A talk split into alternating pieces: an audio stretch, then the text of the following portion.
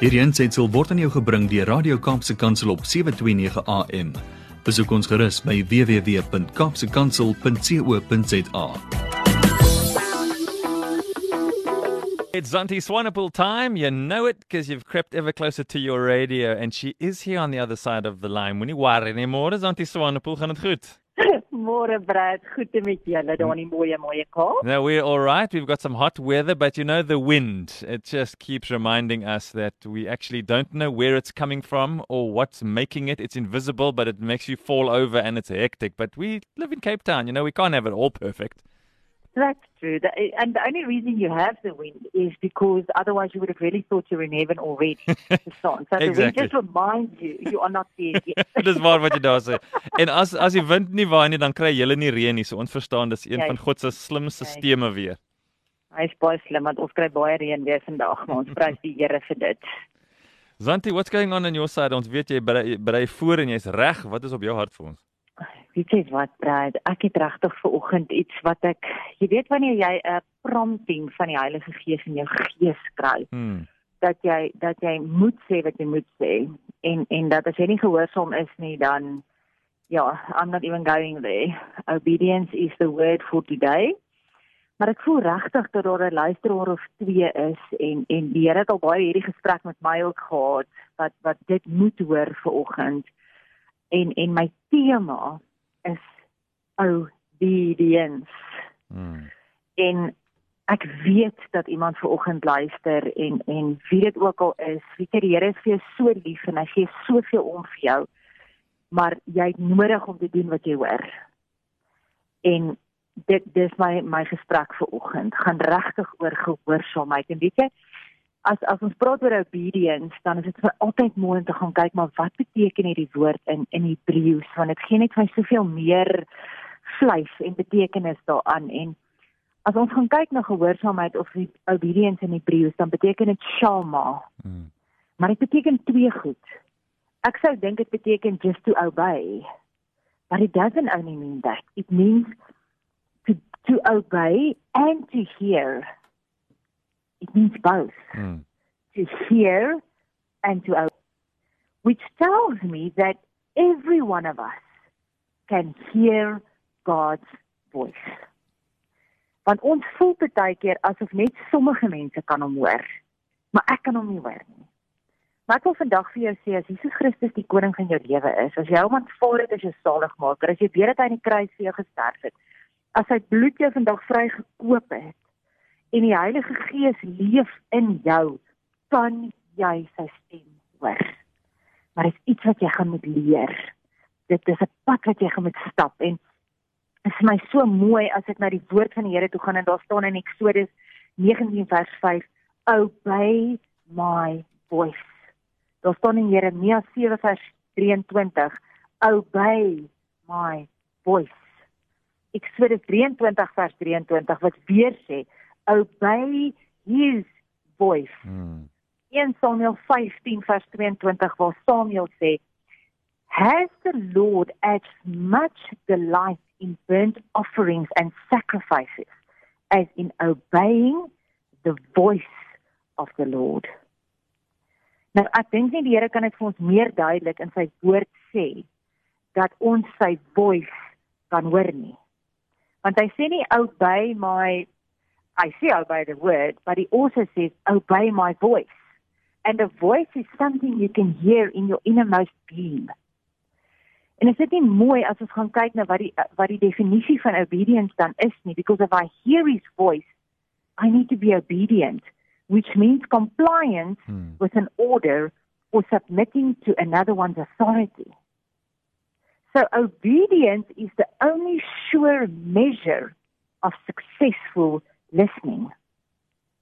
Gaan dit weer sê.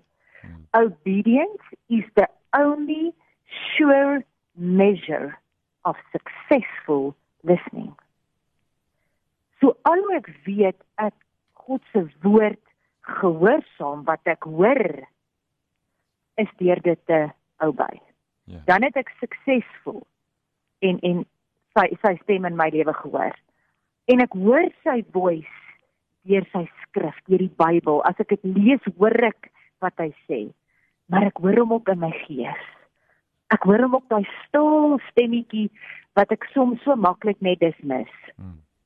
En sê maar dit kan nie wees nie. Ek wil vanoggend met jou drie stories deel oor godly obedience. En ek wil dit regtig by jou by jou los vandag want in in Johannes 18 vers 60 sê die Here, "My kingdom is not of this world." Wat beteken we belong to another dimension. Mm. And in that dimension we can hear God's voice in our innermost being. Ek wil vir jou vertel van Jessie Candice in 2016. She was new to Denver. And she went to a couple of churches. She was so new and she was an extreme introvert. And she was looking for fellowship.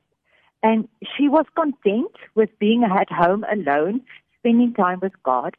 But in 2016, she went to Starbucks to work there and she heard a lady behind her talking about church and books and pastors. And it was books she had read and pastors she followed and knew about. Mm. And as she had no community and being this extreme introvert, she heard God say in her innermost being, this little voice that just said, Go and talk to that lady. Ek kan nie dink hoe dit sou moes gevoel het. Hier sit sy in Starbucks, wild vreemd tot die omgewing.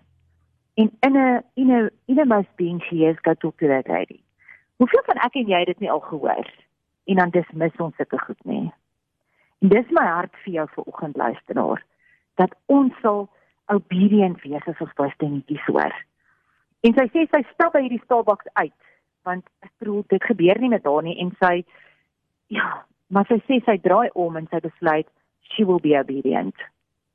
En sy gaan na haar vrou en sy sê vir weet jy wat jy ken nie vir my nie. But I've heard I've heard your your your you know your discussion yeah. and I know of the books you are talking about and I know of the pastors and I am looking for a church to belong to. En is dit nie mooi dat hierdie vrou vir haar sê, weet jy wat, jy is 'n antwoord op ons gebed. Want voordat ons hier kom sit het vir oggend, het ons gebid dat die Here mense in ons kerk sal stuur. Hmm.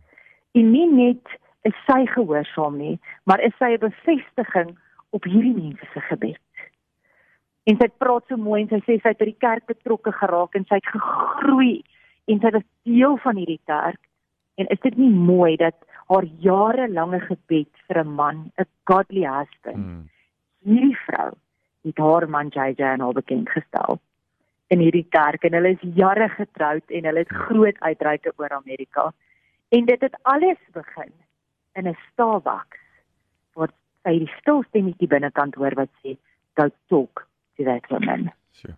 Ek wil vir jou vertel van 'n van 'n 'n waitress. A waitress walking home late at night hears someone following her. She thinks and she knows in her spirit this are thieves and these are troublemakers. And no matter how far she went, she couldn't outrun or outwalk them. And then she heard God say, this voice in her inner being, eat the chicken. Kan jy glo dat God dit kan sê? Eat the chicken. En sy dink by haarself, "What? Why? But she had a bag of leftover chicken from that night's serving. And she heard it again. Eat it now. Sure. And as she was running, she opened the sack, and the smell of this meat attracted a pair of dogs who safely accompanied her home that night. Hi. En sy vertel toe sy dat die security footage, hulle het mos omtrent 'n kamera op elke blok in Amerika in New York. Kyk, toe kon hulle sien hoe hierdie mans agter haar is en en jy kan net dink wat met haar kon gebeur het daai nag. Maar daar was in 'n alley was daar twee honde en toe hulle hierdie hoender ruik toe hulle na toe gekom en net daardie skelms weghardloop. So. That eat that kind. ek wil vir jou vertel 'n storie uit my eie lewe, uit my eie lewe. Ek sal nooit vergeet 11 jaar terug 2010 in September sterf my pa na 40 dae in ICU. En weet jy ek is so getraumatiseer en ek is so hartseer en ag mense is so moeg, jy's emosioneel moeg, jy's geestelik moeg, jy's fisies moeg na 40 dae se battle in ICU. En ek kom by die huis en daai selfde dag, 'n paar uur daarna, sien ek maar Lourens is moeg en hy en hy's grys en hy lyk nie vir my lekker nie en maar weet jy jy is so moeg jy wil eintlik net in 'n bad gaan klim en in 'n bed. En dit is presies wat ons doen. Maar ek het hierdie prompting ek ek hoor die Here in my gees praat wat sê vat Lourens dokter toe. Nou praat ek van 11 uur die nag. Mm. My pa het 2 uur die vorige oggend gesterf. Albei van ons wil eintlik net in die bed klim en ons is in die bed. Ons is in ons PJs, ons lê in die bed en ek voel net die Here sê vat hom dokter toe. En ek moet hom oortuig daai nag. En sê weet jy wat kan ek jou net na Tony J toe vat? Iets is nie lekker nie. Ek weet nie wat dit is nie, maar ek moet jou dokter toe vat. En weet jy wat prys die Here? Lourens klim net daar in die kar na Ja. na gestwee want hy was ook moeg, hy wou eintlik net gaan slaap. En ek vat hom na 'n baie goeie vriendin wat vandag daar by julle in Somerset West bly, 'n Ah. ah. chirurg vriendin van my. En om 'n baie lang storie kort te maak, doen sy EKG en sy doen 'n bloedtoets daai nag. En sy sê vir my, weet jy wat, Tantie, gaan huis toe. Iets is nie reg reg op die EKG nie, maar ek sal jou bel, hou net jou foon aan. 2 uur daai nag toe bel sy my. Sê sy vir my, ry nou met Lourens Wilgers Hospitaal toe hulle wag vir julle daar. Toe het Lourens se hart al reeds nie genoeg suurstof nie. Ai. Daai oggend word hy 3 uur is ons by die hospitaal. Hy word opgeneem en hy het 'n 8 ure hartoperasie gehad wat sy lewe gered het. Die die die dokter kyk my aan, die kardioloog, en hy sê net vir my, jy weet dat jou man se met ophou asemhaal deur hierdie nag. En jy sou langsom wakker geword het, maar hy sou nie meer by jou gewees het nie. Ai. Ek wil vandag by jou pleit, luisteraars. Daar is nie meer tyd dat ons nie gehoorsaam kan wees nie. Ek sou vandag weer weer gewees het as ek nie na God se stem geluister het nie. En ek was baie moeg en ek was baie hartseer. Ek het net my pa verloor.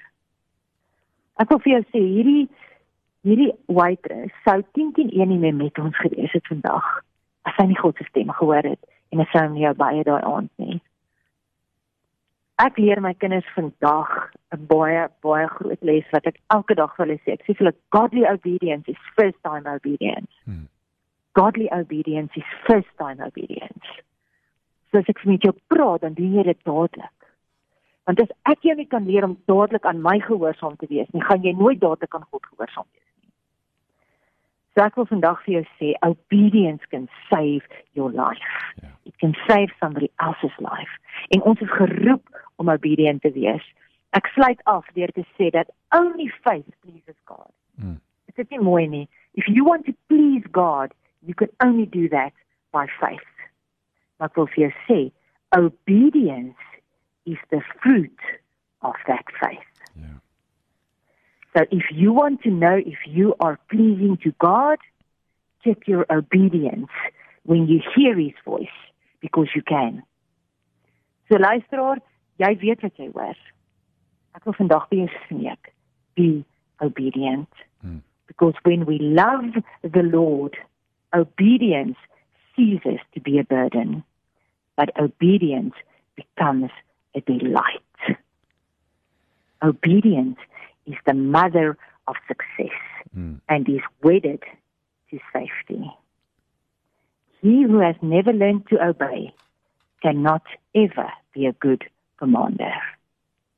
May obedience be the fruit of our faith today and every other day we walk on this planet called Earth. Amen.